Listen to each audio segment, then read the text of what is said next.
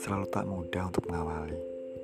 Akan banyak pertanyaan yang kemudian muncul tiba-tiba, membuat kita menjadi ragu apakah kita akan melanjutkan memulai atau tidak sama sekali.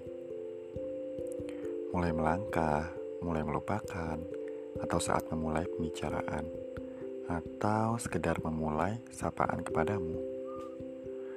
Sungguh menyebalkan jika harus menjawab banyak pertanyaan hati sebelum akhirnya berani untuk menyapamu. Sekedar berucap, hai, atau memanggil namamu saja. Atau malah gagal menyapa. Karena saat sibuk menjawab banyak pertanyaan, kamu sudah terlanjur lewat, kemudian menghilang. Sungguh menjengkelkan jika harus mulai melangkah.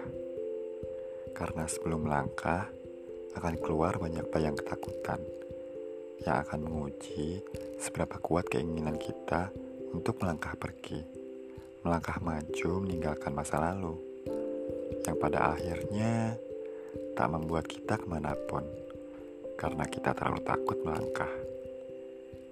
Kadang, di suatu kejadian, di sebuah kondisi, tak diperlukan banyak pertimbangan atau ragam persiapan kita hanya perlu melangkah tanpa berpikir, hanya harus jalani saja, hanya perlu keberanian, dan baru pemikiran setelahnya.